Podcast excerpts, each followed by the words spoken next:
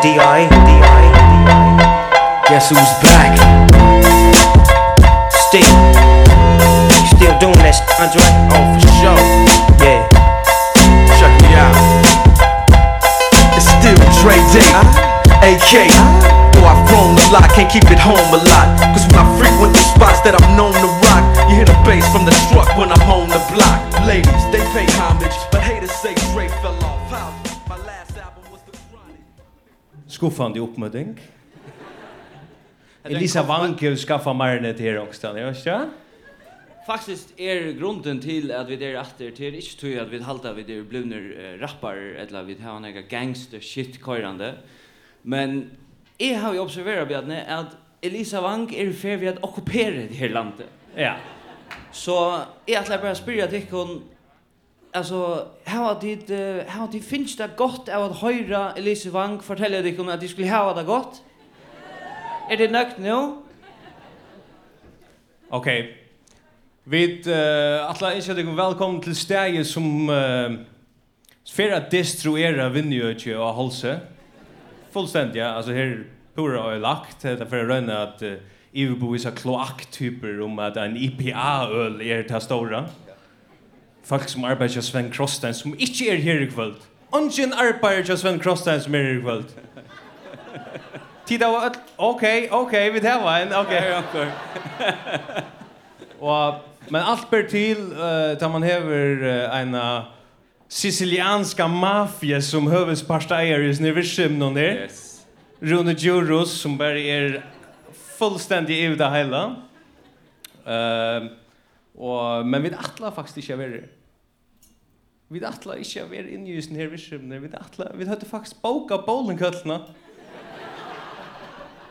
Men hon var tog verre opptidgen til okkurs elektrikara piparbuff arrangement. Så nu standa vi der, og vi er slett ikkje vi på dette steget. Slett i vi hører ikkje. Nå. No. Nej men vi alltså vi vi är faktiskt här tog att uh, Johannes Jensen han är pastor hos ner Axel Rund Juros och han har Givi oss 1,2 miljoner för jag vet här. och ehm um, oj har 8 trusch eiere till som Bjarten säger det är som en siciliansk uh, konglomerat familja. Og Johannes Jensen er 2,5 av dem neier nå. Så vi kvørs vi noen smaparste fella. Ja, ja. Så hvis vi sutja 2,5 utgaver av Johannes Jensen inni her kvöld, så vidar det kvitt her. Han er her i 2,5 kapacitet. Gist du vist, visst du gist. Yes. Allt så där. Ja. Uh, ja. Men i halv vi förra gång, tänkte jag. Vi förra gång. Vi, uh, vi, må, vi må snacka syndrom... Uh, Ikke bare hva det hendte senest, men hva det hendte generelt i førgen, skjønner jeg? Jo. Um, hva det er, hva det er lukket som har skrabat nå? Hva, hva er det vidt? Alltså är er först här att uh, att ta i lente så lente är lugg som hinner med en här stora mjörska eh uh, vad ska man säga ehm um, pandemierna som är väldigt förrjuna. Ja, ja. Och jag upplevde ta att ehm um, Det var rettelig greit ta i Elug liksom kunne lenda, og alle hinn ikke kunne lenda, at det var ikke meningen at nekker skulle finna følger av fyrstand, tog. Mjørsken er her av en her grund. Ja. Og hvis onker fann følger, mm. så så var det eh så var det alltså ich meningen en nägar skulle finna tann idioten som fann för. Nej. Då menar jag väl det stället skulle vara unexplored från början av. Ja, men hade det hon gått gå samman vi att att vi var ju till alltså det som jag har sagt för att vi är te veike som inte nådde till Uslands. Ja, nämligen ja. Ja. Ja. Ja, men det är bara sånt. Men alltså några ting som är hänt i senaste ehm bara där inne där alltså gott färger. Alltså det färger producerar gott kvantan är vi så där. Eh och Eisenstein cross. Eh Färskaste i tøyndene i fyrrjum på nu, Ja, Palle? Jag flyter med så att jag det. en hitch på. Förrysk tunnels serfröje. Ja. Verer nu sauna i et AH-fella som hever finnje heite Faroese Society for Tunnels. Kvært er det her for en akka?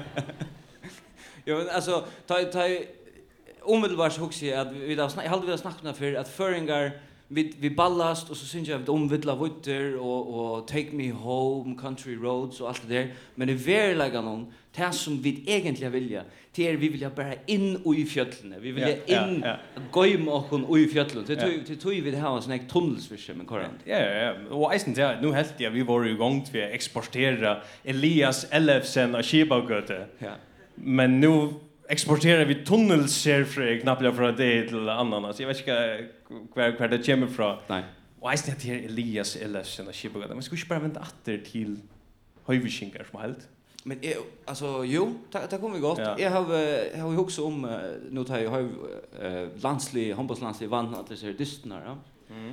Det är något som vi snackar om handbollslandslig, men det som vi i grunden snackar om är ha 1 Vi snackar alla tog om ha 1 av Vi snackar om handboll till förrjun. Mm Og det som fer henta nu, ta i vi da vunnit seg disse her, det er vi for å sutja en graviditetsepidemi, som, altså om nutje måneder for at det kommer ordentlig enn baby i Høyvøk, ordentlig ordentlig enn baby, og, og, og summe fer å være drønger, og ånden fer å være jenter, men så fer det å være som faktisk bare være bøltar.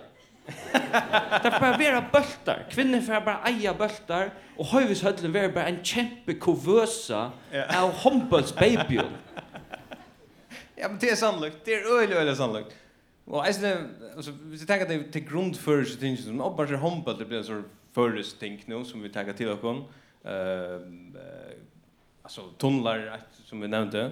Og eisen er grint, åpenbart. Altså, grint er et öjligt hot topic på en nu. Vi det var Vi det var ett annat breaking news om framt att det är så Faroes Society for Tunnels som är stående. Vi Sigurd Landmarke som formann. Yes. Blomstrut av kyrste, yes. ut i heimen, exportera Sigurd Landmarke, ja, ja, beinar vi. Ja, ja, Men om framt här så, så är det alltså, ta gånger alltså rättliga illa vi argumenten om tjoa eh, blåtiston grindamånden för tunna. Mm. Alltså först var det där vi är ner 500 marsch någon springer och dräpa 500. Vi dräpa 500 delfiner om året. Till liksom tema shot om vi dräpa med allt för en rush. Det det blev sen diskutera. Eh och så nu det är alltid läs att eller var det gör att en dansker grinta aktivister fick präck och grinta skaje utan att skilja näka. Okej. Det är ju ju. Utan att skilja näka som helst. Ja. Så han han har visst liksom en präck på att han har funnit där. Och grinda man har fälla i svär åter på att det är alla dessa sea shepherd ting. Så grinda man fälla i svär åter och säger att i utskriften är grinda man har fälla i sky är gott. Det är stabil dementering av sin läsa så. Sky är gott. Det var det. Och så säger jag där. Men hur ska hur ska han finna det präck hvis han skilt när. Alltså ja, det är tror jag det är inte praxis ut det är bara en skyde för in akkurat som hickar en film eller för ut att va. Okej. Så säger um, du hickar en film? Ja. Det är så teoretiskt. Okej. Men så säger Grindamannafella i Grindamannafella är inte området kritisk just Sea Shepherd men formaren Ragnar Jakobsen Ongan hörs som han før. Han er formar grunn av han. Han er ikke her i kväll. Uh, han har några vimersikar til detta. Fyri ekna rockning. Han er öliga. Gardering. No. Okay, yeah. Så han han, I halte at man skal sutja hetta vi tveimon brillon. Det kan man. Det har vi ongan til hos för. man ska sutja hetta vi tveimon brillon. Ja. Eh, så sier han, om en utländiger är sett sig här, skiljer han sjåan det. Så det är inte samma bärligt vi för kviskifter. Förringar skilja ju allt, ah, okay. säger Ragnar Jakobsen. allt. Alltså inte bara allt innan för grinda vi men hela. Jag du sända en minta hos när Ragnar Jakobsen. Är en verklig person. Alla helst en. Han som ett uppfunne PR-namn. Tja, Solfen Hansen. Grinda Solfen Hansen. Jo, men jag jag det helt fram. Lucka efter så där. Ja. Det är att så för han spårningen eller eller kritisk milar för ju. Lägga. Kommer en eller här spårningen. Är det lätt att klara grinda ska i helt då? Den spårningen. Jag vet inte. Du ska vara 16 år och då ständer i kundjörn att du ska ha den teoretiska vitan. Ska jag ge dig dessa vitan så ska jag leva upp till 13 år. Jeg vet ikke om man skulle innførst en av rønt, sier han. han er tydelig ikke skilt for ikke, men du som han for Tusen man er gång til, ja. Så han är slöja å ta Anders D en en en ja. nei. Jeg har eisen noteret meg någon grind. Ja, gott. Korrekt. Til eisen grind man føler att Det var tær kan ju ufra. Det håper jeg. Ja, ja. Ehm. Um, er non binär. Ja. ja. Tær hava avtala til at at landsstyr kom vi en sum grinta tilmæli. Landsstyrsmæren eh kom við ein tilmæli om um kos var delfiner vi skulle drepa. Vi fer kalla det delfiner i kvöld. Så at vi fer at at vi fer at binda oss upp i verna som kallar det delfiner. Så det så det ver det ver denter lagt á at det ska äta delfiner från nu. av. Ja. Ödlum förn, Grindamannafellet har motmalt uh, Atlanton om man ser så kallade borardiga delfinvajna. Det här har fram till att man kan vi öle iva sam matematiska metoden säga att vi kan dräpa 826 delfiner om året. 26, det är viktigt. 826. Jag har inte sagt 820 till 800 Nej, 826. Inte ena mer, inte ena minne. Öjlig annars, det vill jag sagt men så stendur eisne at oh, eh, så stendur at um, vanliga er grinda boite i sore henda grein handlar jeg syndrom sore det var også høyringsskriv. vanliga er grinda boite i sore särstakt tui at öll odchen eh fer parst. Sjolt om du ikkje hu bi om man får past. alltså så hugsi jeg at hvis du så erst en sånn soringer som er sinte meira Jolund Leitnon eller Jansisk typa och du sitter i du biktar såna hita pot och du hör Sindra och list hängande av vägen och du sitter i hita botten och vi kommer du lustar efter onkel Sörnon onkel Sörnon tåsa och en tonlage vi Jörgen Lett ett lockshort och dricker så eh, det naturvin som sort har diarré framkallande naturvin så huxar du nu är det en kosmopolit. Jag har klarat det oj sore att vara kosmopolit inntil onkur som Bjarni Hammer typa av bara kommer vi en lastbil och tvajter en delfin ut en hitta på. Du är tvinkar att äta henne. Ja. Det är anarki i sore. jo, jo, jo. Jo, det det är sant det är sant alltså och en stor parser av av grundet så blir det sociala män där. Det har vi ju väl överliga vi görs. Ja.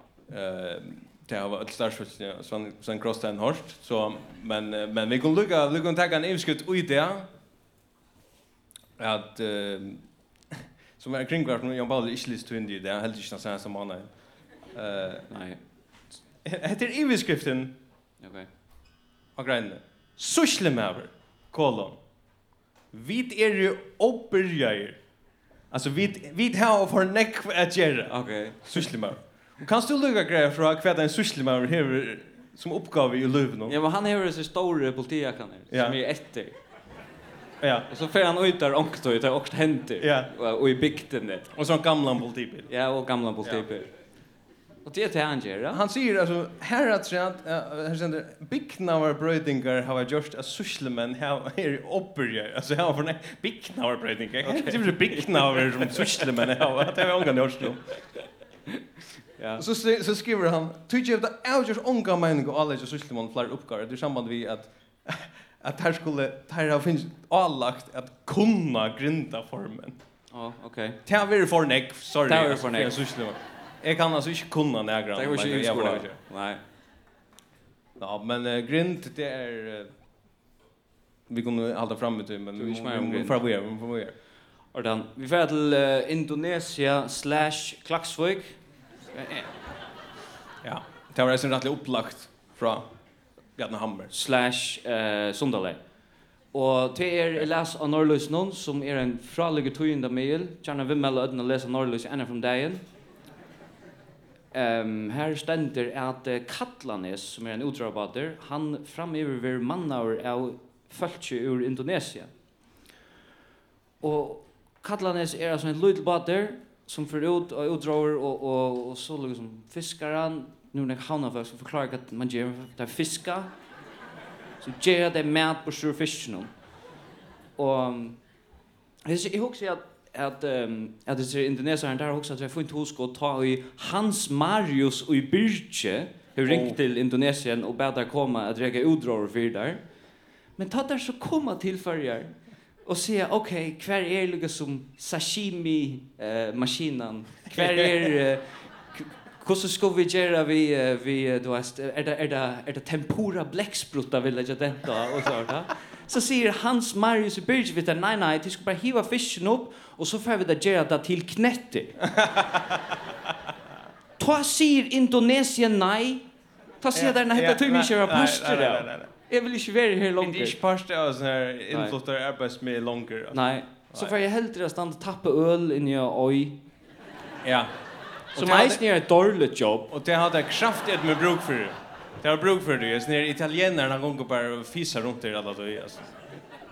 Her är allt för mycket tankar in inni her. Fyllt av tankar. Röktar öl. Hvor dricker den där røkta öl? Nei, dårlig. Voilà. Men Gergan Palle, um, Holse, Vad som helst. Ja, rangering. bowlinghöllen, och Nyast oj, ja. Men mitt i mittlen är att alltså alltså jag vet inte hur man placerar det ordentligt men idémöbler. Ja. Ta platt över cash yeah. idémöbler. Man får ja. in när vis man har några pengar att bruka. Ja. Idémöbler får ju hasen den affär så nu kör det bara fotlar kraft alltså ordentligt hitta bort över sig så är det. Men är så analysing så idémöbler för någon man sedan, igen. Och halte jeg vi kunde vara nok så samt om att er blir desperater och i strempan i etter de perfekta kroppen. Ja. Eller, ja.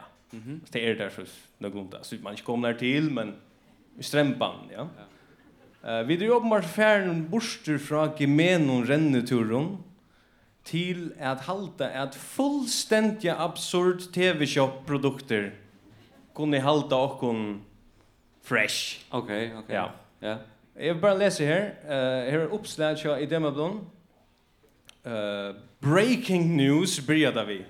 Vi kapslock. Alltså skriva skriva möbler breaking news. Ja. Okej. Okay. Idémöbler kommer breaking news. Shot Milan är förrän kommer sju breaking news. Idémöbler kommer breaking news. Ja. Rinne och teppene. Kvärt. René og teppene. René og teppene er i atter i handelen om dette vikskiftet.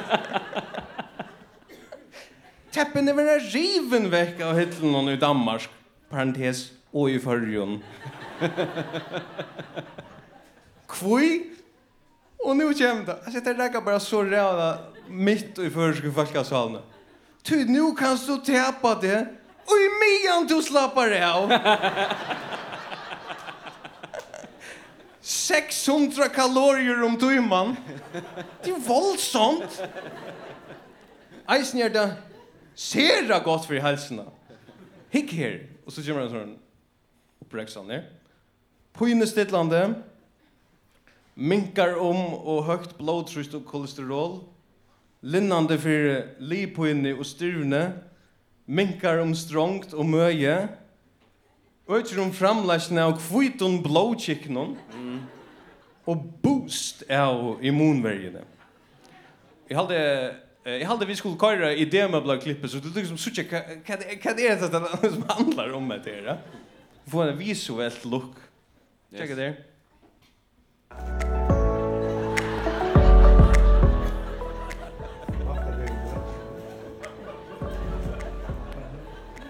Oj, oi, oj, oj, Hej, jeg hedder René, og jeg er på besøg fra Danmark med de her infrarøde saunatæpper, som har en masse gode effekter på kroppen.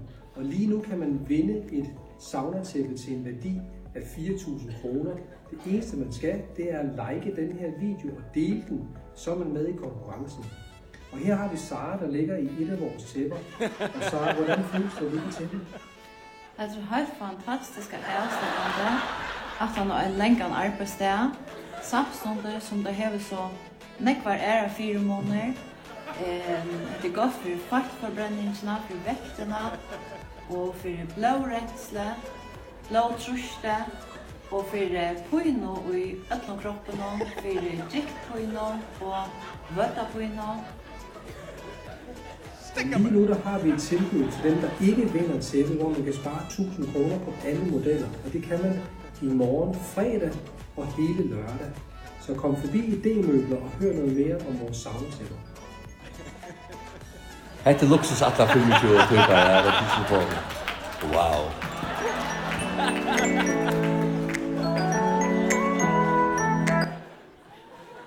Kvært skjer, altså jeg vet ikke. Hvordan kan han alltid være her? Hvordan kan Marsten Restorff alltid være i enden av omkring reklam reklame? Ja. Alltså han där damen har tränat det här ordentliga lunchen. Allt som hon skulle säga. Och René säger, du ska ha kraft med lära. Jag har varit det många gånger nu. Du får inte det där tjepp hvis du inte kan lära det. Det, det er, kan ikke gjøre flere fler enn hatt jeg klippet. Nej, hatt jeg klippet. Super. Hatta vet jag. Så ehm eh hugsa jag hade era synder här som vi det kom till uh, som som manna att vi det har lugga som fyllt uh, landet vi hittar potton och levekon och uh, hittar lampon och alla stinchne. Ja. Anki ivraskar longer vi tjej och kon generellt i lövnon. Så hugsa jag där där hugsa jag att att det enaste som man manglar i tillvärlden som en sån insousar västerländsker föringer. Mm det är att bli ivraskar, och så så är det krutch i i Ukraina. Blir man sen överraskad två dagar. Så för man vad gör också att det var det sjunt sant längre corona överraskar kon ordentligt långt blir vi att snacka om det det kanske om att du kunde dodge eller Men okej okay, Jon Tigel här alltså. ja ja, men Jon Tigel kommer sagt. att. Kommer sagt. Okej. Men eh uh, ölla lite som överraskar så hugsa jag visst nu ett som jag kunde överraska det var vis vis vis konan bara rullar rullar ut och in den ena morgonen sen nu och säger att Australien är såch.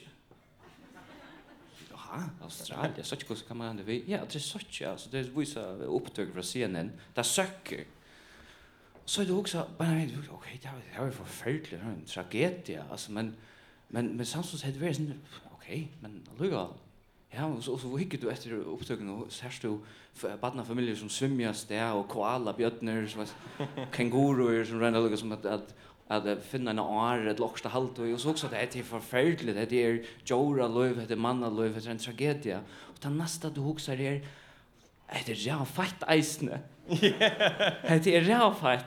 Du du sast akkurat som du omkandi hos jeg før. Og det er det som, det er det som oi handlar om. Ja. Yeah. Ja, tror det är snäcka tankar här? Ja. Nej, det är faktiskt en söl ehm tala som Ole bär med sig.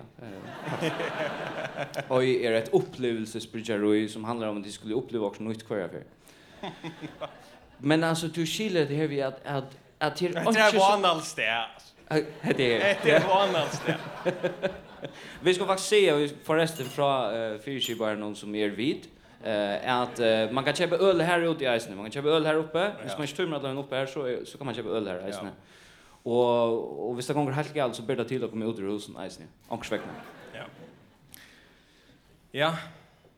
Jag du? Eh nu tar jag Australien söker och så skuita pizza med står i förrjun och att ja. Pizza med står i förrjun där där har formerat sig lugga som larligt lomoch för i sommar. Det är så jävligt den här pizza man står i förrgen.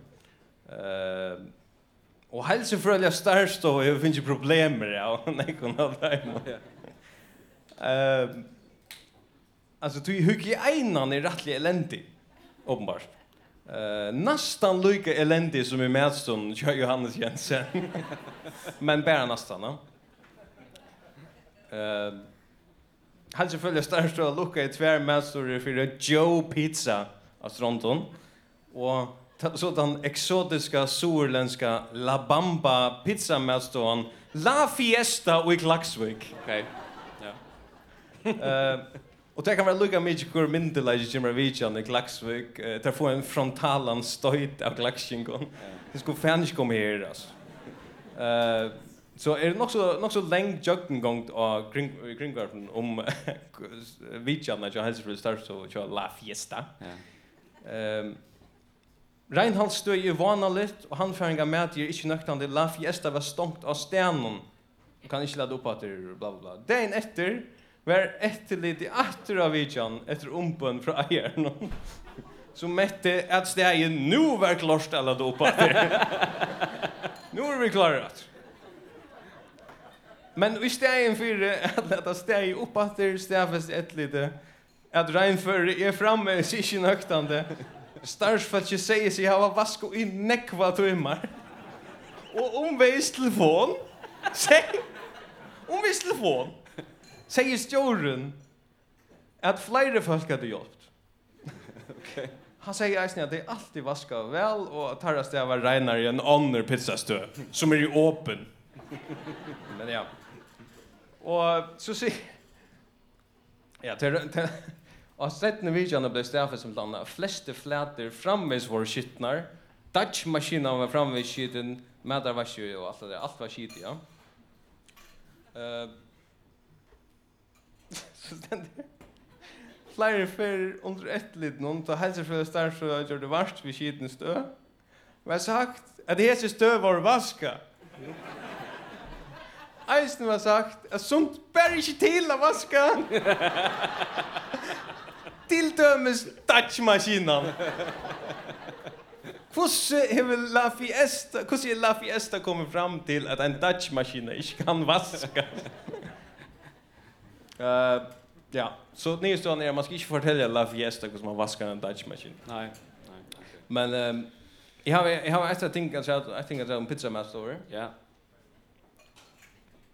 Det är nekvar Adamon. Einer akkur åpna. Jeg finner vottan ur skåpon, eller hette den fyrsta pizza med sån skåpon, nærkant i. Her er ungen skåpon inger inn her.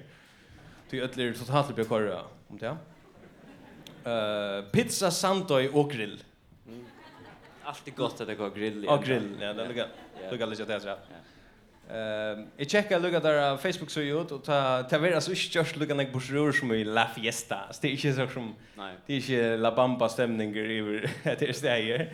Det är inte det är inte just när bursror nauna naunje av pizza.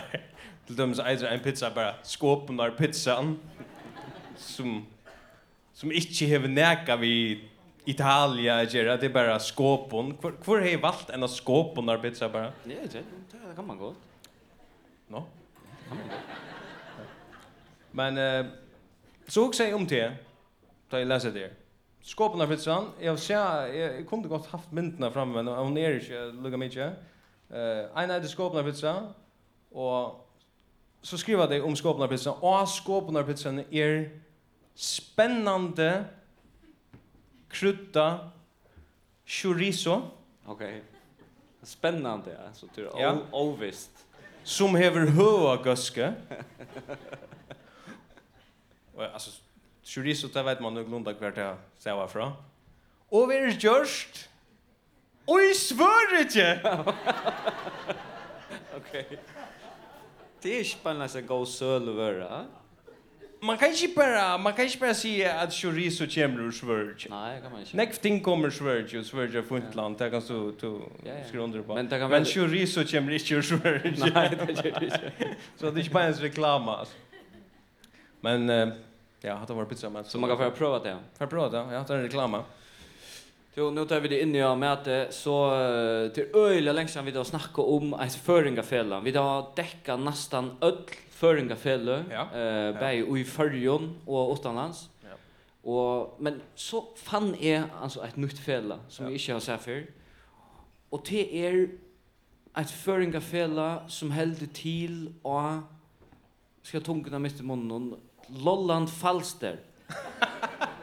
så selv om jeg bygger i Danmark, så vet jeg slett ikke hva Lolland Falster er for nega, men det er altså en geografisk lokasjon, her kan man, man kan vere her som menneske, Og tar vi da snakk om Alaborg, vi da snakka nek om Alaborg, ja, ja, ja, hvis Alaborg er her oppe, ja. så er Lollan Falster helt her oppe. okay. Og, og så spesifikt det er ikke mer. Altså, det er jævlig godt fela.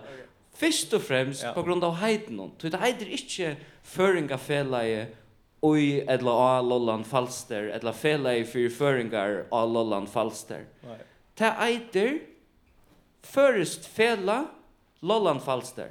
Okej. Alltså det här till till till stäcka i vi arbetsbeskrivningen av oss när fällan. Det så vi vi tar utgångsstöd i bäja. Det vant av fler förrest fälla alltså kanske Ja, det vant kanske det kanske det var en kapping om om det här lollan fasta, men jag så kan det hemma så som en öle gå hemma så ja. Hemma så. Och så såg jag att jag har kallat till jag har kallat till Eve till till Elfond. om för när hade kallat till Elfond. Mm Vi ætla við med kanska kunne få myndina frá Føringafellan og Logan Falster til at jeg kallet til EA-fond. Ok.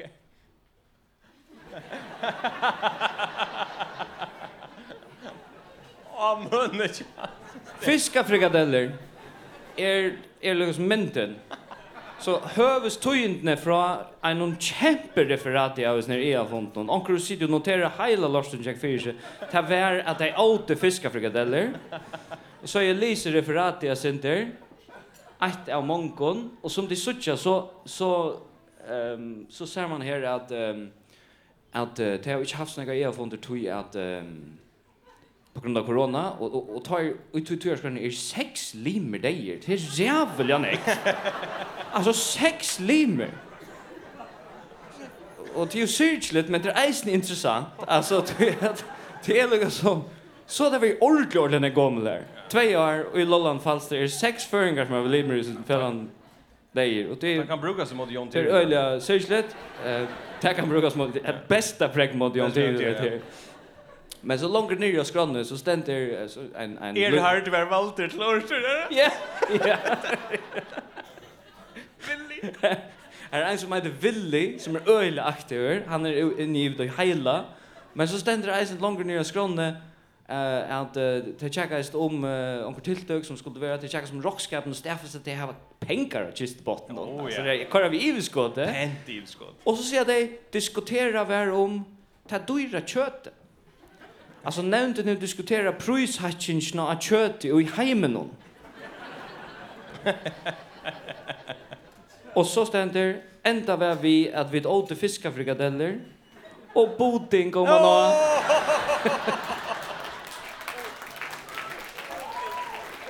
Det är så gott att äta boding.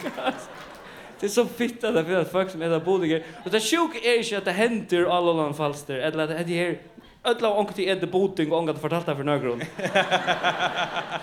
Det sjuka är att det finns det referat av oss ner. Ångt har skrivit det nier. Det är ångt hellre att det är allmänna AH. Alltså jag tror jag letar i djupt, men alltså kvätt. Nej, det var ordentligt desperation. Ja, ja, det var ordentligt, ordentligt. Och så ständer en är så här ständer det är den typ han är villig typ. Han har varit sänd till Köpenhamn att orientera sig om mimisk vidskifte. Så kommer han efter och hur grejt från typ störbojar löven någon som är i Köpenhamn. Man bør da være der veldig greit tvis 2019, 2020, 2021. Tre år av fragrei. Det är jævlig lengt. Jeg kjenner øen jeg folk som arbeider minne enn villig, det er jeg for sikkert. Så tjekka uh, først fjellet Lolland Falster ut, det er jævlig interessant, ordentlig gå hjemme og. Det er eisen en grein om ingefær, av danskon, bare en, en infogrein, som anker løser lukka som tar helselig avgående ved det ete ingefær, eller bruke ingefær. Størst fjellet. Skidegått, skidegått. Takk for det, det var godt. Skål. Jo, uh, Vi vi för alla för Nu När du bosätter här så du ska flagga vid att du bor nere och jag bygger för och ta inte allt tappe. Ja. Allt det som vi gör. Ja, det är Alltså alla allt det som vi tappar. Men vi kommer färra vi kommer färra till Ronavikar. Eller Saltingar eller kar. Ja, inte är det till Ronavik eller Saltingar. Det är otäljande stor gigantisk ting i världen man kan bränna för det och ha som hjärtamal i löven då. Ja. Här till här till Ölsand. Ja.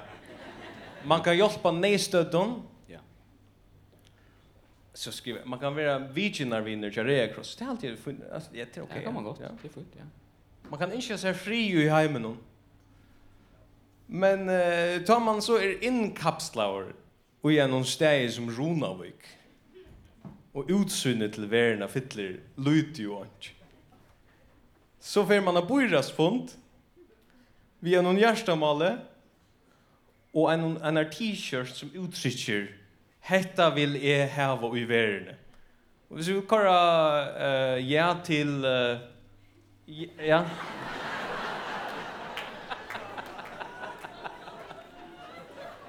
Alltså jag har öllon till de stora tingen i världen man kan göra en t-shirt på sig ur. Jag vet inte hur det är, men kanske det känna. Jag vet inte. Brukar det sån här bakgrund? Ja. Han är Han är inte ja. Nej, han är Ivas. Nej, till svimjö. Svimjö har ett Ivas. Jag till fri i med någon hinve. Rockar vi alltså. Och här var det så trutje personer. Jag Helt här en inkapslad av rummet väl. Alltså när men så redigerar du redigerar, va? Nej nej, det heter det. Det heter det. Det var alltså och Ronavik har ju funnit en höll och allt det där och och här var folk som sålde ju t-shirten. Men alltså tar man för så länge som man gör kladdna plagg på sjura såna boskapen som man Michel kan man göra hem någon. Eh men det är ganska sjontaligt tror jag att det ska bara vara en fucking höll i landet och så kommer allt bananer så. Ja, ja. Jag huxar mig syndrom som heter vi jag var alltså eh är det är det är oss Björn Jakobsen. Mm. Alltså när arkitekten. Ja. Alltså han blir en sån rättlös kämpeguru i yeah. förrjuna. Ja. Men hur gör han bara byggningar här man kan gänga och attach någon? Det har vet jag inte om. Ha? Det vet jag inte om. Ja, men alltså i gött i herrarna i Burrashus herran man kan gänga till så tror han teckna spear line är ut uh, kajen i havn. Här man ens kan gänga till Okej. Men folk nu i landet vill ju inte gänga någon till här. Det vill ju vara in i en hut. Big and a hut. Big oi. Liot. Folk vill ju vara så att det är rattliga vanligt. Jo, men det är ju utan grund föringar vill jag vara inne. Alltså vi tar snakket om Jørska, vi måste snacka om stormarna som har vært, lentet vever i landet noen, og så sa jeg at Øyland jeg skriver ikke om stormarna som jeg egne personlige trauma vi, vi at jeg har mistet en marskise eller, eller hva det er. Ja, ja, ja. Det er veldig harsk. Ongan til nægra lukka som avlæring av ekonomisk ånd eller, eller øronslæg, men det er sånne små ting som färra. Så sa jeg at um, Da er det en skriva Johans Eidsgård som er for løkmaur i sånne land noen. Han spurte ut på Facebook. Og uh, en av forverre atter. Ja, ja. Hundra Han skriva at uh, hans herra Webergrill har mist sina hikve. Alltså han brukte köra i hickve men det han menar. Alltså han miste det som är av grillen. Ja. Och i stormen hon var det färre. Samma det han skriver soner hans här. Har vi funnit det av att han är att han, att han gör stakan. Okay. Han heter Erling Eidsgård. Ja. Han är helt kär ikväll. Nej. Samma där skriver han. Vi ska kanske gå få uh, ta mynden av storm någon här. Hentan kalesjan är färna flå ur voxbottnet. Och så vill jag ihåg så här, jag tror öliga koordinerar insatser för att ner fattar någon. Papi och son är färre ut och lyckas som spela kvar, kvar i okra ting. Och som onkel Hanna med så hugger kvätt är en kalesja, tar så funda till så hickvanna baten hon. Ja. Men så är det det heter sig bara att man kunde ju sagt min bater i färden och i stormen hon, eller fjose for i stormen hon. Väl du nadister. Men det är sån det är sån hygge ting som färra. Det är det möbla ting som färra i stormen hon. Mot att täppi i färden i stormen. Ja. Alltså vi plattar missa attarli av onkel mannen och i arabaton och i sloppen och nu spänner vi bara trampoliner fast yeah. och politiet byr och hon hiva marskiserna in och en sån här panini geraren som man köper som man omgående brukar han kan eist bara blå väck som eist bara ett av. Jag hade så just det bara du som köper den här panini geraren Han är alltid på till på han. Ett land är blivit till en hitapott. Ja. Om mjörsken i förrän är det han hickvan som borde ha avbörst och från omhämnen av första antag. På det samtidigt. Anyways, um, Joe, ska vi lukka ta ett kött ting som vi längst sen vi har tidigare. Okay. Och, och vi har ofta sagt att vi ska ta. Vi må ha gott, för haft ett gott år och för haft ett rikt år. Okej, okay, ja, men det är två två en specialiteter. Yes, vi färra att börja vi två som har haft ett rikt år. Här var några kandidater. Ja. Nästa stor politisk ting man kan tidigare. Mhm. Vi huxar faktiskt att ta det ner i hjörna och snacka om den förska papan. Eh, som uppenbart har haft ett rikt år. Tog att uh, man har sett av stån en gransking av verskatlan om papar og familjeløv.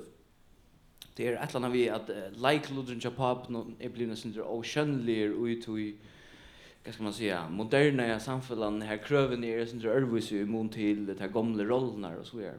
Papen hever helt einfalt rikt ved å finne seg sjølvan og ut i nødvendig tilværende. Og så som han funnet, så vi kjer oss ved det problemet, vi får det her. Problemet er att man har sett fyruska in i jag kan det till. och han är jävligt slow alltså att det kommer till att finna det Kosu vi sko betre om vi i skiftene. Yeah. Altså, jeg vet ikke om du nægge han sier han Ginsju i havnene. Han er yeah. øyelig kloker, altså ordentlig kloker, yeah. men han er ordentlig seiner da han gonger reisene. Altså, han gonger akkurat som ordentlig sein. Så han klarer ikke å genga kjøtt og være kloker samståndes. Men er det ikke du at han har gransk og gjør sånn som er design moderne samfunnet? han teker det bokstavligt. Wow, vi har en klar arbeidsklasse inn her. Du har hatt en akademisk vet jag som er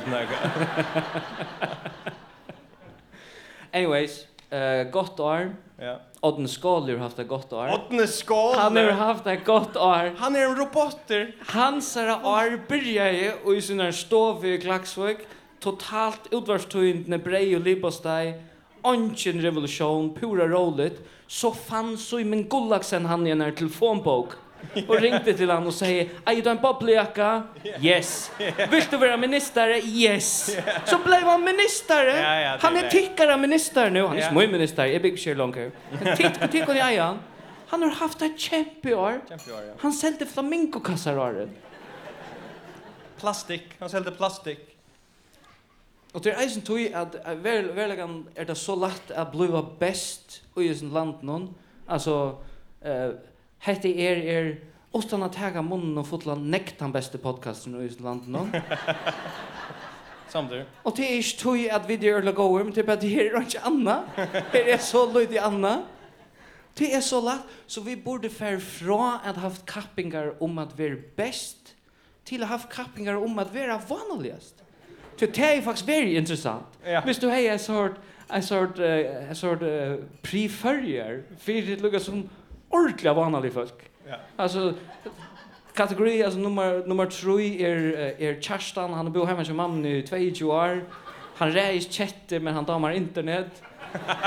och han går runt i honom milna och köper åt next or kakao och så. Yeah. Så kunde du haft så kunde du så kunde du bara kappa så jag ringas. Det är faktiskt vi har ordentlig kapping. Det vi en kjempekapping. Ja, ja. En kapping i mål i botten. Ja, ja vi ser risk för jag var extremt arrogant. Men det är färdigt. har måste ha en gardering nu. Nu är vi igång. Okej, Ger. Eh, hej då. Mario. Jag hörs med. Det var det var faktiskt det nu. Ja. Tack för att du kom. ja. Ehm Liver Nystedt har haft ett gott år. Eh, jag vet inte hur var nu så omgång du inte haft det gott år. Omgång så spurnar det ju i år. Han har han har bara go år. Och lever han alltså han rör och och då är så så är han lista med sportsräva. va. Men eh alltså han är han han bedriver ett ölje ivarsamt virke som lista med. Han är han är öle populär alltså målningarna är fjärra för 20 15 20 000 och så där. Ja. Eh men Alltså hvis vi lukkar skulle skulle stäcka att omali är en någon lever nystet målninge. Det är inte. Heter en som gör det för Artikon. Man ger inte en målning för Artikon för det första. Och vi ser om Artikon, Artikon har två stjårar som tjänar kassan. Och kan sagt hans för parsta är ju nervis där. Jeg vet ikke om det er det, aller helst. Uh, kom vi få, kom vi få en livartikon av skutjan her?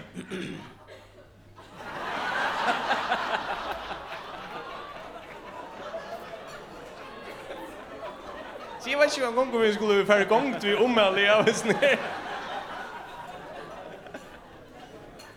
For det første er det tvei høtt av Malnensson, som er stjåraner. Ja. Hva gjør det sier bare falskene her ute? Er det bare sånn et hoa rensl som uh, lever og finnes jo og bare Ikke? Vi det også hendet ved en, og så ganske uh, en vegg i miene, i middelen okker på uh, høttene til Åkenbanen. Og så også tve folk ut i søgjene, og så også vi Så også litt av kvelden, og så også ganske en båt, eisene, hvis det er folk ut i. Lunde. Så, og lunde, og alt med. Jag vet ska inte på det, jag hade funnit det. Vad ska det? Jag vet nej, jag funnit det. Jag vet akkurat, jag vet akkurat vad jag ska göra på sjön där. Är mål i allt. Just väl här är målniger allt då. Allt färger.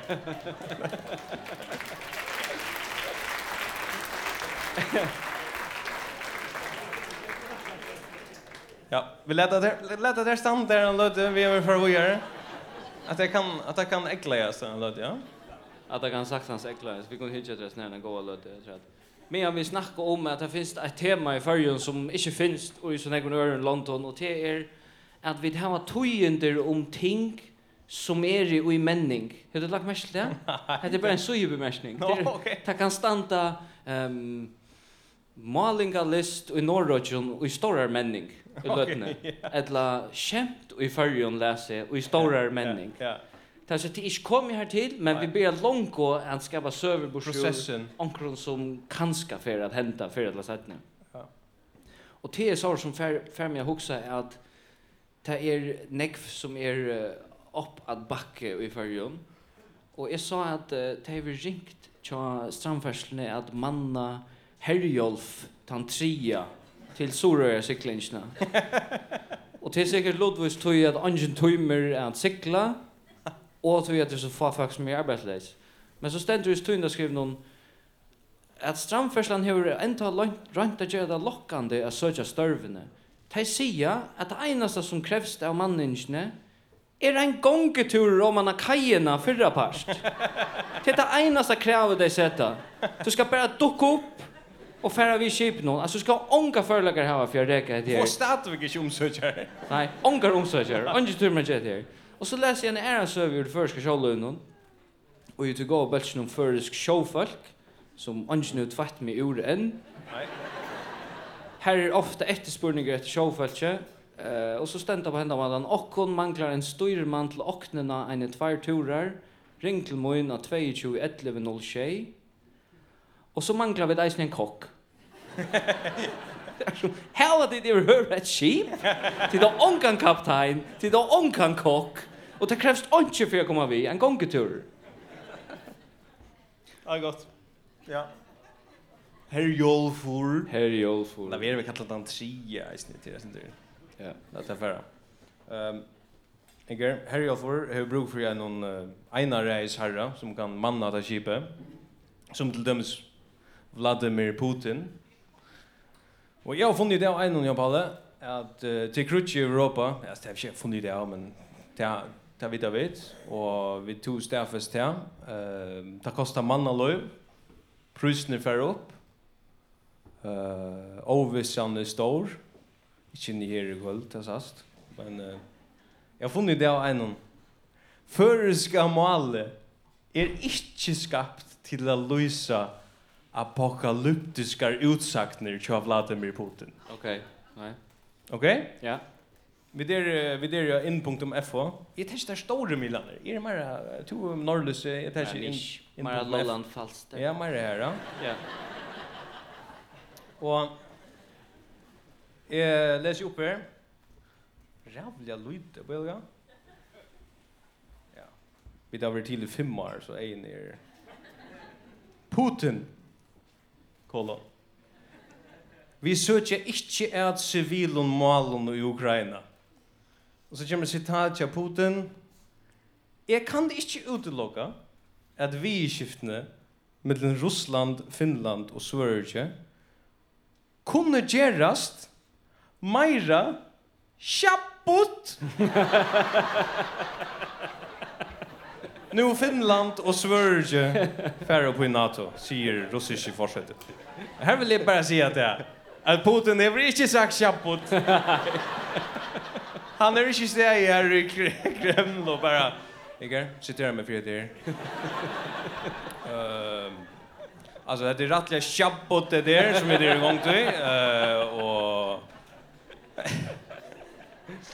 Lite vi mer sing till första gamal ja. Som inte är rika berg. Rika är stilla där. Nej. Vi är mer att vet ah le. Vet le. Jo, men vill alltså stäffa så att det är ting som vi sökt om förr att vi loja av sån exceptionalism eh syndrom vi halda vi det så unik att vi det enda som har fjöll och och fyrer och flotta nottor och lundar och allt det där. Mhm. Och så eisen har vi bara det senaste åren kort er så godt propagandashow even för och egen egna befolkning men eisen för omheim. Det har vi då bara bestämma James Bond var i förr. Han var ikke her Nej nej. Han var seriöst ångande her. Här var han i røvise. Vi har eisen sagt att vi där finns ett bagarui, så surdags bagarui. Det eksisterer ikke. Det är oppe. uppe. Jag vært här 15 för. Här er ångande uppe. Hvis det ikke er oppe, så existerar det ikke. Och så var det oppe i morgen, och så får jag in så sier om, här är ikke uppe. Så det eksisterer ikke. Men det kanskje jeg husker til, til Hei Morsensen, eller noen trivna var, uh, trivna var uh, deilt i Torsna kommune som sier åpna bakaroi. Bara så att få fatta Morgana av att det finns ett sort bagarui i havna. Det som heter Vishum gånger ut på att det kvitvaska pengar för miljonerna i ett lockshot. Det är bestämt inte existerande detta bagarui. Man kan inte lucka månad att du inte å mycket. Det lucka alla tog. Oj, det är lucka alla tog. Ja, oj, lucka. Det lucka kväll. Det är lucka kväll. Ja. Men det är så så vi får att ta pengar för allt i förjun. Vi ska tro det kostar det kostar 6000 kronor kommer ut med business här nu ett lock Och du får kanske det släpper skjut i väset jag kan banta ett lock och få vafflor för att säga Asi Andreasen som börjar invadera ut nice. Asi åt åt Andreasen för er oss, ah, det är hin som invaderar eh Vindelöv synergi och så. Ja, ja, ja. Fraud vision med synergi. Her kunde vi en av dem. Senere biljetter för 2500 kronor till Orsens Viske. Åh, oh, Orsens Viske. Ja. Du kan bruka 230 kr för affära och söka Mona Lisa ja. eller också anna fantastiskt Picasso verk ett lockshort eller kanske släppa koka ut i minnes. Det hade fast för de här pengarna i förrjun. Ja. Og jeg bare sier det at det er for nekv, det går ikke. Det passar. Alle pengene fra Hans Jensen, nesten. Men alle, jeg vil sagt det at uh, Sorengar har stadigvæk råd til affærer en tur til Midtjøsar, til at Sorengar har faktisk ikke funnet det av at inflasjonen er kommet. det er an ikke av at inflasjonen er, hun er ikke kommet til Sorengar. Nei. Jo, uh, vi får takke utrådt nå. Ja det skiljer det sin fjöld ner men det är men men jag hoppas det är vi igen va ja, säger know förja höstan är färg. visst du tänker det så färg ja. Sitt det främst där främst ja. Om det är alltså om det är ett tilltag som är omynden av förskon DNA så är det förja lejer oh, vi tog, ja. vi tog det för en år sedan då det var. Och det ska kraftigt mycket få stopp nu. Alltså det, vi måste hålla fram kvar kvar står det för jag läser Ehm vi snackar ja och jag husar att ehm att det är vi det vi båda. Men minsta krav minsta krav för för jag är att utråda falskne halta att det är stuttligt över vi. Vi hade skulle köra ett klipp vi uh, prova att lägga mest till entusiasmen här just nu. Boa skjuta någon här. Alltså en som skjuter vid boa. Er det nekka særlig å skjøte av førerløkene? Jeg halte ikke, jeg halte jeg mangla kjøttet og talande. derfra. Jeg halte vi kunne reklamera reklamere nekmar vi då. Hetta minner mest om en FM i Lotsa året, ja. For okkar vi kommer det, ja. Så detta kan, kan det samanbæres vi ødeløkjer i Røver? Mm. Nei, faktisk ikke. Mavren sier at det kan samarbeids ved FM. Hev så et FM, ikke førja, ikke. Pakka det ikke inn, hev et FM. Han er øde kjetter og rekna ytla og tar man skjut på boboil, så er det bare så. Ja, rakt ikke og førja. Allt sådär. Vi borde jag kan anbefalla hit öll inslag. Vi där stutla där. Men jag är helt för jag relation var helt av Ivstein. Alltså vi kör. Nej nej nej, vi kör den, vi kör den. Okej. Eh men ett annat klipp som ganska några dykna så säger jag från förra like. Er er ett klipp här som som lyser är öliga väl förra like. Stone Gold. Eh, jag hade vi skulle köra till, kör hit för jag lägger klippe så så så jag hade för jag lägger. Testa vi om skottarmeren är fint hon över. Det var en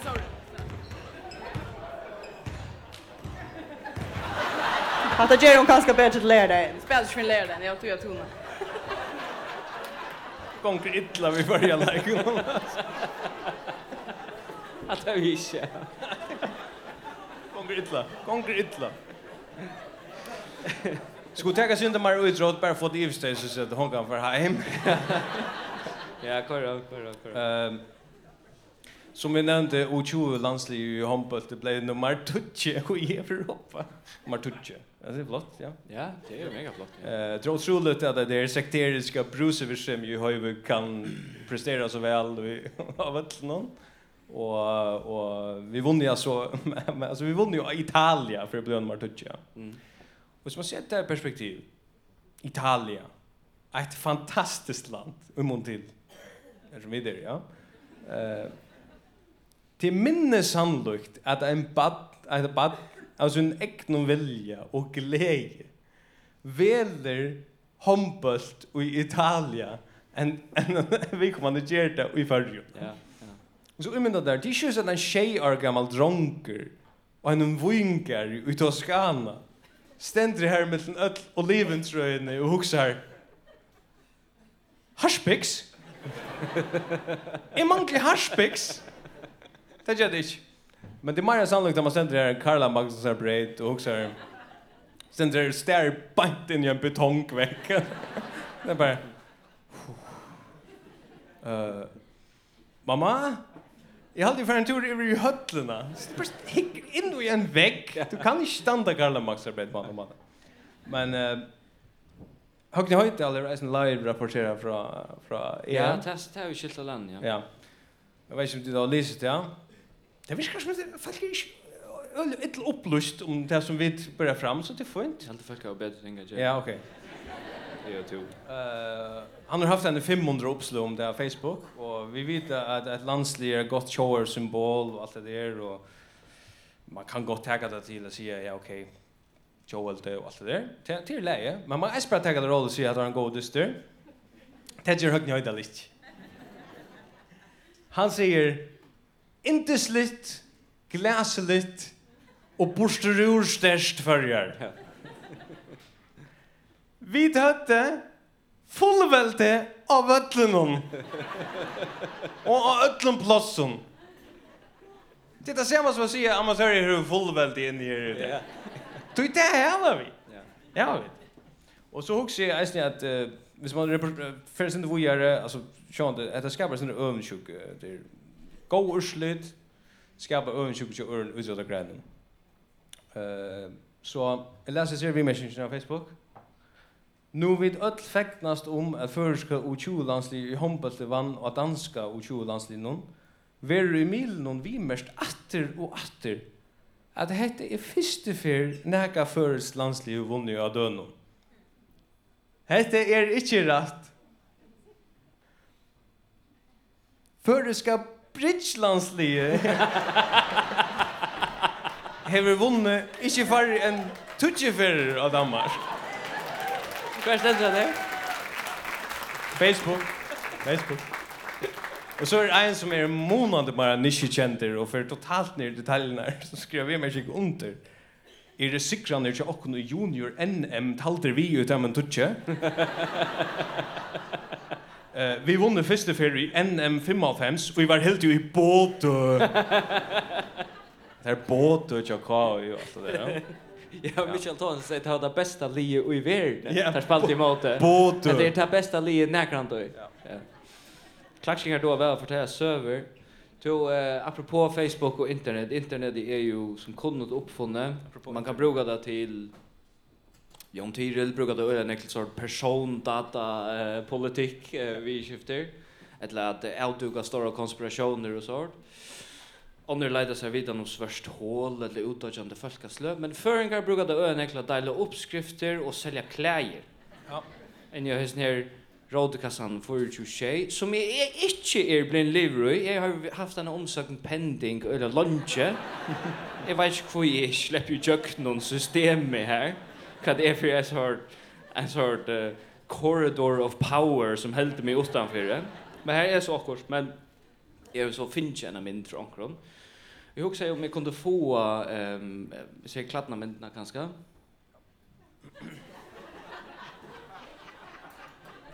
Alltså du ska ge vad är på och på en bunke av klävon.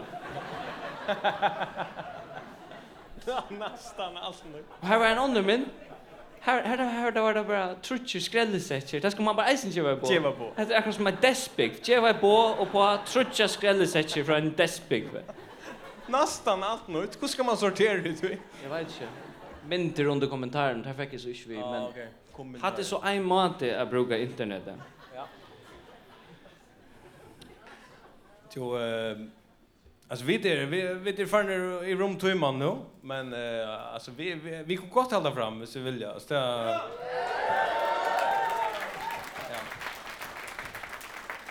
Jag tycker en bok vi.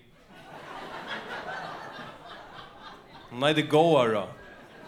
Och bara det att gå då. Du är minst ena för för några år sedan. Ta runt i som korpet vi går då. Gå då är ett absurd ting. Det Smakar illa. Du bara nej smakar väl.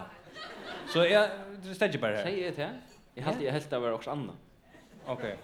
Men ja, vad Okej, vi tar en uppskrift och går då. Som inte har några vi tolka ger eller något sånt. Eh det är Ja, man kan säga först först kökren är ett otömmande kölskap av underliggande ting.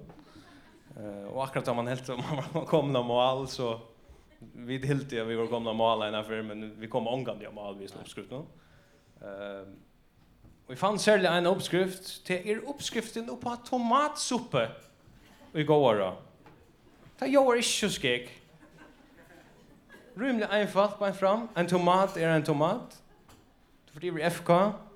Kjøp några tomater. Og hvis du skulle skriva en Wikipedia-tekst om tomatsuppe, så er du sagt tomatsuppa er en suppa vid tomaton som høves tilfell. Så leser jeg oppskriftene tomatsuppe. Hold 3 gram av margarine. 4 gularødder. Tvær porrer. Alltid porrer. 3 epler. Ein leiker. 100 gram av røkton fleske. Ja. Halvan annan liter av vatt. Tvær båtarmålar. Salt. Og 1 dl av tomatketchup. Det det man kan ju inte det. Ja, det. Jag har bräckve, vi har bräckve vi. Det är otroligt. Alltså kan Hvor gjørs det så vårt, no? Jon L. Henriksen. Ja, ja. Ongen tomat, altså. Jeg leser eisen et annet, men jeg vet ikke, jeg tror ikke vil jeg tega det.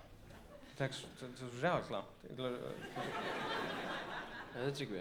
Det er så hårt, ja. Du, er du annars snackar det via... Tolkar liver och nöjras nice, är det där. Tolka liver och nöjras nice? Nöjras nice, ja. Det var inte det. Är du annars nägande för jag charter för vi föräldrar så där? Absolut, det är alltid ja. Det är Nej, jag var mer som blockhus. Blockhus? Ja, jag var mer här. Okej. Annars jag tycker säkert nägande känner sig att man är en eller två man charter turen och Det fanns det en tøy her foreldre ikke pratet snakket sin bød. Ikke spurte bød hva de domte, hva de hilti om ting, og så kom nir i knæhatt og sier, ja, men vi, vi vi kunne planlegge ferien sammen, det gjør man ikke, du vet. Ta jeg vaks opp, det var mer vi får färdas och tog vi. man får ju längt ta i tiden var sinte sinte minne vanligt eh affära såna långa turer så um, jag var inte ta fjärde barnet så föräldrar som hade tumt det ganska sjö var långt. Gaskan av mer var isen här efter. Alltså tillfärg i min kropp var öliga när ta fjärde lugga som fjärde lugga som bridge engine som man hejer. Så får vi det charterfair och det som man kunde göra ta att man kunde inlimma bötten i såna klubbar. Och så kunde man själv för barna. Så jag blev inlimmad och i har varit två klubbar, har en hajklubbar och en delfinklubbar. Och jag blev inlimmad i delfinklubben. Som är också så ussaligt, alltså mot att det är en hajklubbar. Hajklubbsbötten så är inte coolare ut. Jag kom in i delfinklubben. Och jag var ordentliga benchen för ötlån. Og så møtte jeg en av sånne um, øyla spinklon uh, uh, danskara som er Niklas og vi var bare lukka bengene for verene så vi ble vinner og så hadde vi fick man fikk en kepp og så fikk man en sånn svimjepåse og så får man en t-shirt trusta ner i huset och så ska man vara vi och i aktiviteten från klockan 12 morgonen till klockan 6 om kvällen. och så stannar föräldrarna här och tar emot där du har ett liv och säger hur svär där och så där. Och jag och Niklas vi helt tatt samman till att det var ett önt miljö som vi var kommit in i till filmklubben om. Det var ett häftigt miljö vi vi bött någon som hade neckbein i nösten alltså som var ju uppvuxen i Berlin och London och så där och vi var bara svettigt här. Och så så upplevde jag att um, det var som som från där hvis man vände kapten och in så ser man ut som man liksom ordliga så kommer man då ordliga rätta. Men jeg og Niklas vent bare keppen så det som man skal. Vi hilde jo kom til det. Och Og så gikk vi bare her og våre idioter. Ja. Og så ena fer ta i hei och som vi skulle göra. Vi skulle spela fotboll. Ta skulle föräldrarna komma vi och ta tumt det förbanna illa. För en dag över det skulle låta Så kom det och man satt där och tänkte, fuck är det här alltså. Jesus Christ, det är button alltså delfinklubbsbøtten enda, altså. Heima, heima så haft et heiklubbsbad. Og det høyma ikke. Og så stod det hukte, og så så vi sparska, og så gjør og så, og så, og så sparska, jeg tog de hampla ved sparska, og så sparka jeg kjedje malven, men jeg hukte at man bare, tar det færen. det var færen. Det var i hukte et heiklubben noen. Og foreldre til Niklas kom ikke en gang. Men det var en bedre tøy til at foreldrene spurte i spøttene hva de ville. Og, og, og til, til brinja i okken til et, et liv i og fætliga store her motgång. Altså. Du kan ikke oppleve det? Nei. Jeg vet ikke. Jeg var mer i blokkhus. Men... Uh, Men att att är sen test om vi har för det mesta benen i hjörn ja alltså föräldrar och är pastor så det. Hvis man ikke blir for en oppslukter av sånn IPA-øl og blommer, så er det skiljast og alt det der. Skiljast? Det er ekkelig radikalt av skiljast, ja. IPA-øl og skiljast, hun går øl er neft sammen.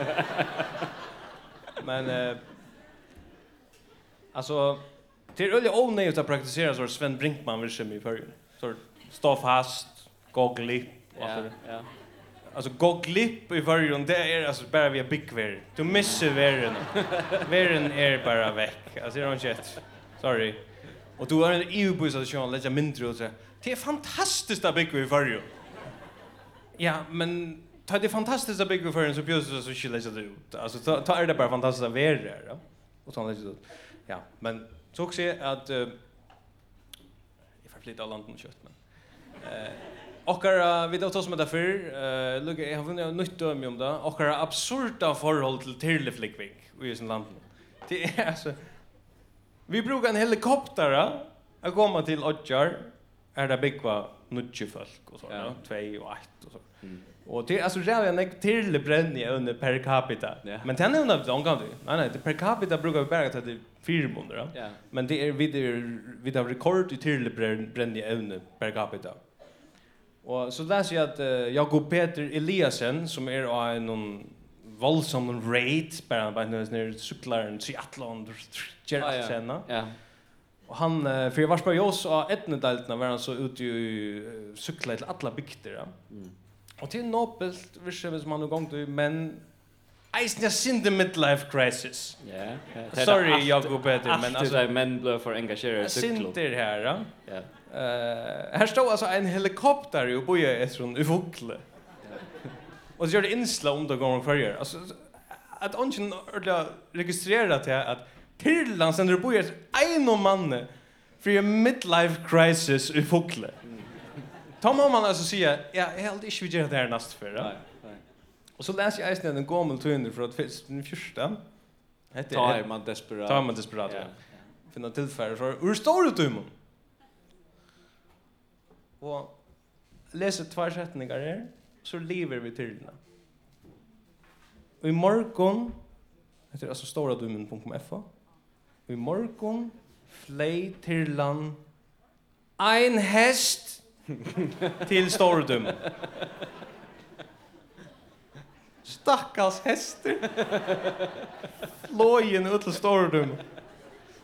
Og ein rissu av ötne til sans til vi orsens tiltak til seg rissene, som bare slipper til sans av storrummen, vi tyrlene. Så vi må, vi må dämpa okra tyrle vi skjem. Ja. Så um, vi skulle kanskje eisen börja hugsa om uh, runde av. Ja, jeg vet ikke. Altså, det, det må teg avgjøre, vi kunne holde fram. Men altså, vi, vi tar... Ja, men jag tror mig mer. Du tror mig mer, ok. Jeg tror mig rävla vel. Ja, det räknar vi. Ja. Så, ehm...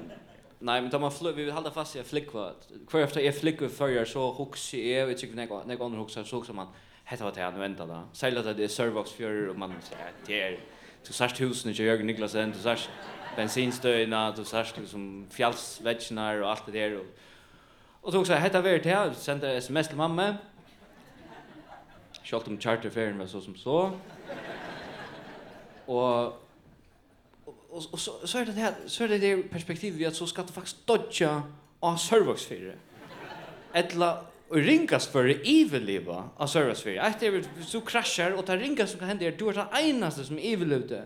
Så du du länder och gärna i oljedolching och i älleringon och Och så för onkel att säga här ligger en här ligger en livande här ute och sprällar och han ligger Han ligger ute vid alla djupenar och malteser så här ute till att floffar ju väldigt att tremer vid taxfree vörron. och så ska du få första jobb på Jörgen Niklasen. Och så kommer du en sending tja Tore eller eller Armgar Arke och fortäller om hur fantastiskt var Jörgen Niklasen i ute och att du fick en påse av malteser så du kom i land. Och så hade en som helt är levande. Djupor. Djupor. ja. Så det är öjliga ehm um, obehagligt att flickva in av service för men men oavsett vad det ödlis ju omkvars falschen säger vi till så skulle vi inte omkan då stäcka vi flickva till det enaste som ger oss intressant i mundle är värre att göra det det här vi kunde flickva ja vi tyrle så ungen eisen vi tyrle det finns inte lukar som licker som som bara täcka ett tåg onkra stanna eller bara flickva onkra stanna i en fraktflåfärre nej så vi skulle inte stäcka via att flickva Nej, pura samtidigt. Alltså, det kom, vi kom bjärka omkvarven och åttan ja. att stäcka via flickva. Ja, ja, ja. Du är hitten för just a lost. Ehm. Jag Paul säger ska skundra mer. Ja, vi mittla men vi kör vi kör vi kör några ting att säga. Yes. Alltså Hette tog inn her seieren med Ritsnur Ratt, som tid nok vidda, som der metropol, metropolan som tid bygger på i. Och det är några öle patentliga typer som som räka. Mm. Brukar öar några såna sån sättningar som som genka, genka fjöllene, mm. vet du? Och där flaggar vet du Jakob Westergaard, så han är liksom bara mäveren som räcker i förrjun. Han är uymynden av att räka. Han säger till dem som tjäkfond om Soraton i vikskiftet någon är att orsaka kom för sent. Jag vill ju rike oh, så man fyllt liksom det maskulina till poten ju upp. Jag har rike sig så eh blåst sig självan upp. Mm. Och omedelbart kan det virka maskulint at reka seg. Men det er det ikke. Og til å vite alle menn er av. Vi vilja bare ikke teka til å tepe. Tui, tek til dømes hver man gjør da man reker seg. Man klipper. man klipper sig. Alltså du är så slä av frisör jag säger du man där. Men kvä kvar ser jag vid, kvar ser jag vid. Alltså identificerar mig som en man. Kvar ser jag vid män. För jag gör det mer hardcore. Nej, vi, kli vi klipper tjej. Vi fucking röjta tjejen alltså. vi röjta. Det ska röjtas, det ska vara nu. Det svärar till att du får in i några salong, interkoifor, virse med. Och frisören säger vet du, ah, jag bara säger vet du att jag klipper inte. Du ska kraftigt med röjtas. Och det här är också skift i hänt och jag har någon dra och av fjärs eller vad man sagt. Jag klipper inte längre, jag röjte. Det var på mycket mat. Ja, vad säger du? Du har kort buss i havnen men jag vill hemma. Ja. Eh bussarna i havn är ju att det är mycket i havn det är tremer vi folk som som inte färdar arbetskunden ser du på samma dag. Så det är inte vanlig störv. Men vi är helt inte skrasat i arbetslöshetsskivan. Nej, akkurat. Öliga gå om att jag ser det. Det är ju bara inte här i mitten. Ja. Ehm och och så huxar jag så ångte för man såna orena tankar som man vill rens få väck man också här ja alltså nej jag har gott att ta en karabus och och ta en sitta öll bänken och och den gör sig också nej kom det konsumerar nog snäcka kommunala tjänster är fullt ja alltså och så kom det ju spel vill du lukta men albo nej jag vill lukta albo jag har där alltså. Men det är sån spurningar du kan få i bussen då fra hes ner som är in between alltså arbets skipanna och allt det där. Ja. Är det en radikal spurninger? Jeg spyr jo om hvis fashion skulle betale haggre kommuneskatt enn andre. Nei, jeg behøver ikke, altså. Vi har jo eisen omrøtt tanken om att vi uh, ut fra timen alltså altså 1 million, 1,2 miljon 1,2. Som vi fick fra Hans Jensen. Vi har alltid kjeipa torskøtt i 18 år det. Så möjligen vi har eisen på Sinterborsjur. Ja. Skatta pengen. Vi går, nu får vi, nu, nu, nu, nu det kjøtt. Nu var det kött här den då. Ja. Eh Jag bara säger vi må asana kapprower är allt för invecklade till att vara och köra shower utrotter. Ta vi är ny stor från här. Att är att det är målet som vi tar snack om som alltid är skarpt. Fan om målet jag vill rätt kapprover. Eh men nu händer så en sån vannlocka är, är en badkoppa igen. Det det det är inte gott. Alltså det är bättre händer jag inte ska igen. Og at han har så flere rundt har funnet en forklaring på hva det hendte. En av dem var en domare som var der vike i siste vike. Og jeg skal bare spille alt det der klippet. Og så skulle tid, må Jan Paule, forklare meg om nekker at det kun kile kapprår. Hva er kapprår? At som helder størsløynene fasta et landet og han blir ekra vel opp. Faste starsteren fer ur baten og ivru i land. Og her har vi da en hennafelt i her, som så gonger atter til, til baten som helder, helder fasta starsteren. Det vi sørger er at starsteren av baten ligger her. Vi sørger på ved at dette er til gale, og vi må få baten hesmen. Og vi tar baten her, tar litt av vi teimon her bort, og tar rekva så handa vi. Avgjør vil tidsen om at slakka starsløyna for å få domarabaten ut. Det er Nu ligger han bøy i. Inntil vi er gong til å finne oss en Så vil han bakka over, stars vil bakka over inn enda veien. Iver møter baten som heldur fast av stars nå. Og tar få fast. Så løs at nu, nu vis løyna så løs.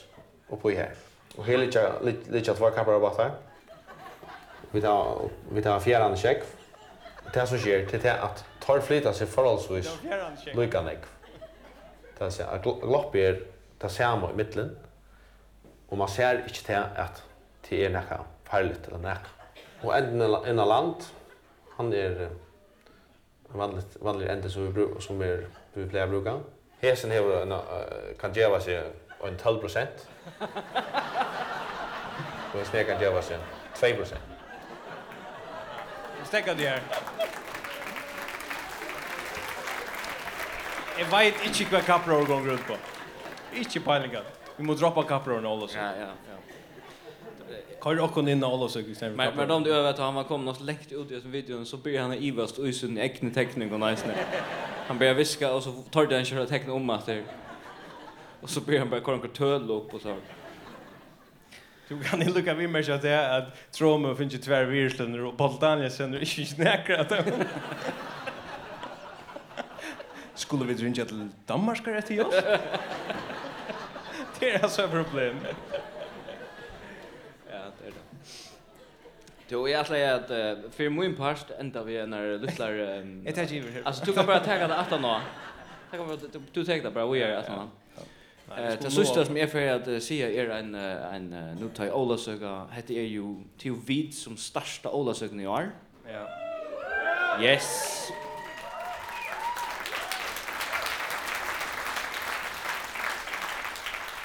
Nästa år får vi 100% pengar från Hej Morsen för att göra det. Ordla nek vet inte. Jag tar han ordligt ut i skuter i omkring. Tar han sett och han sett bojras hus det skulle vara mer vanlig borgare i Borgarasus nu. Så säljer han där bara till till Peter Öl. Eller Jon Petersen som är det. Jon Petersen. Han säljer Jon Petersen. Är också Jon Petersen i på Borgarasus hus än Borgarasus omsidning. Anyways, Ola så kan kommer, det ska vara fyra på att man ska sitta och torpa och dräcka från tulja och denon. Och så ska man sitta och skumpa under såna här vimmen och vinkorna för att få dig upp i gir och komma igång då, och få allt att vara lika stått som det var förr i tøyene. Så kommer det punkt här du äntligen är så mycket skojt att du släppt ötlen barrikaden och du säger färbar om man bor inne. Jag skojt ju om det här kommer vi. Jag tror inte jag bor i ett inne om. Jag färbar om man bor inne. Och så först du Och så försov han in. Och så sa du bara jag kör tåke fångtare göte så står en omföring renne efter en hauna gente. Och så också att det ser inte gott ut. Jag hoppas hon säger nej.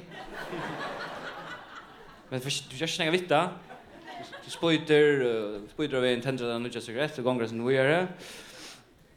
Så vill du öjligt la pissa men du är sin skit på ytterboxen och så.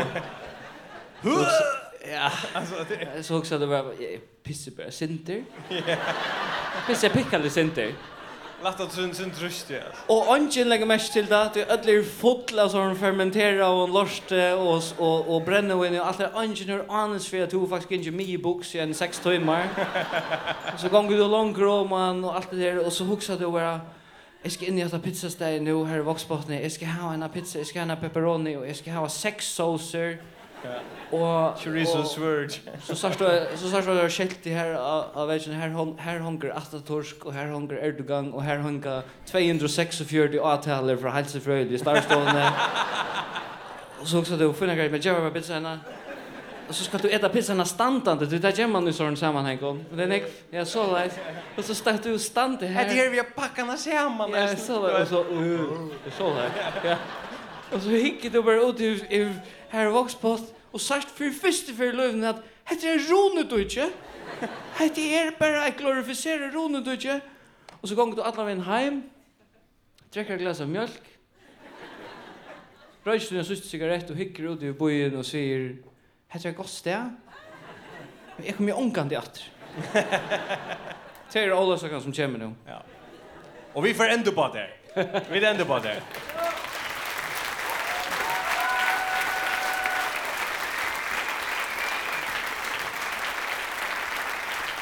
Takk for Jokko. Vi tar var vi tar sjön du upp vi tar sjön upp i här till kan 12 till välkomna med varandra.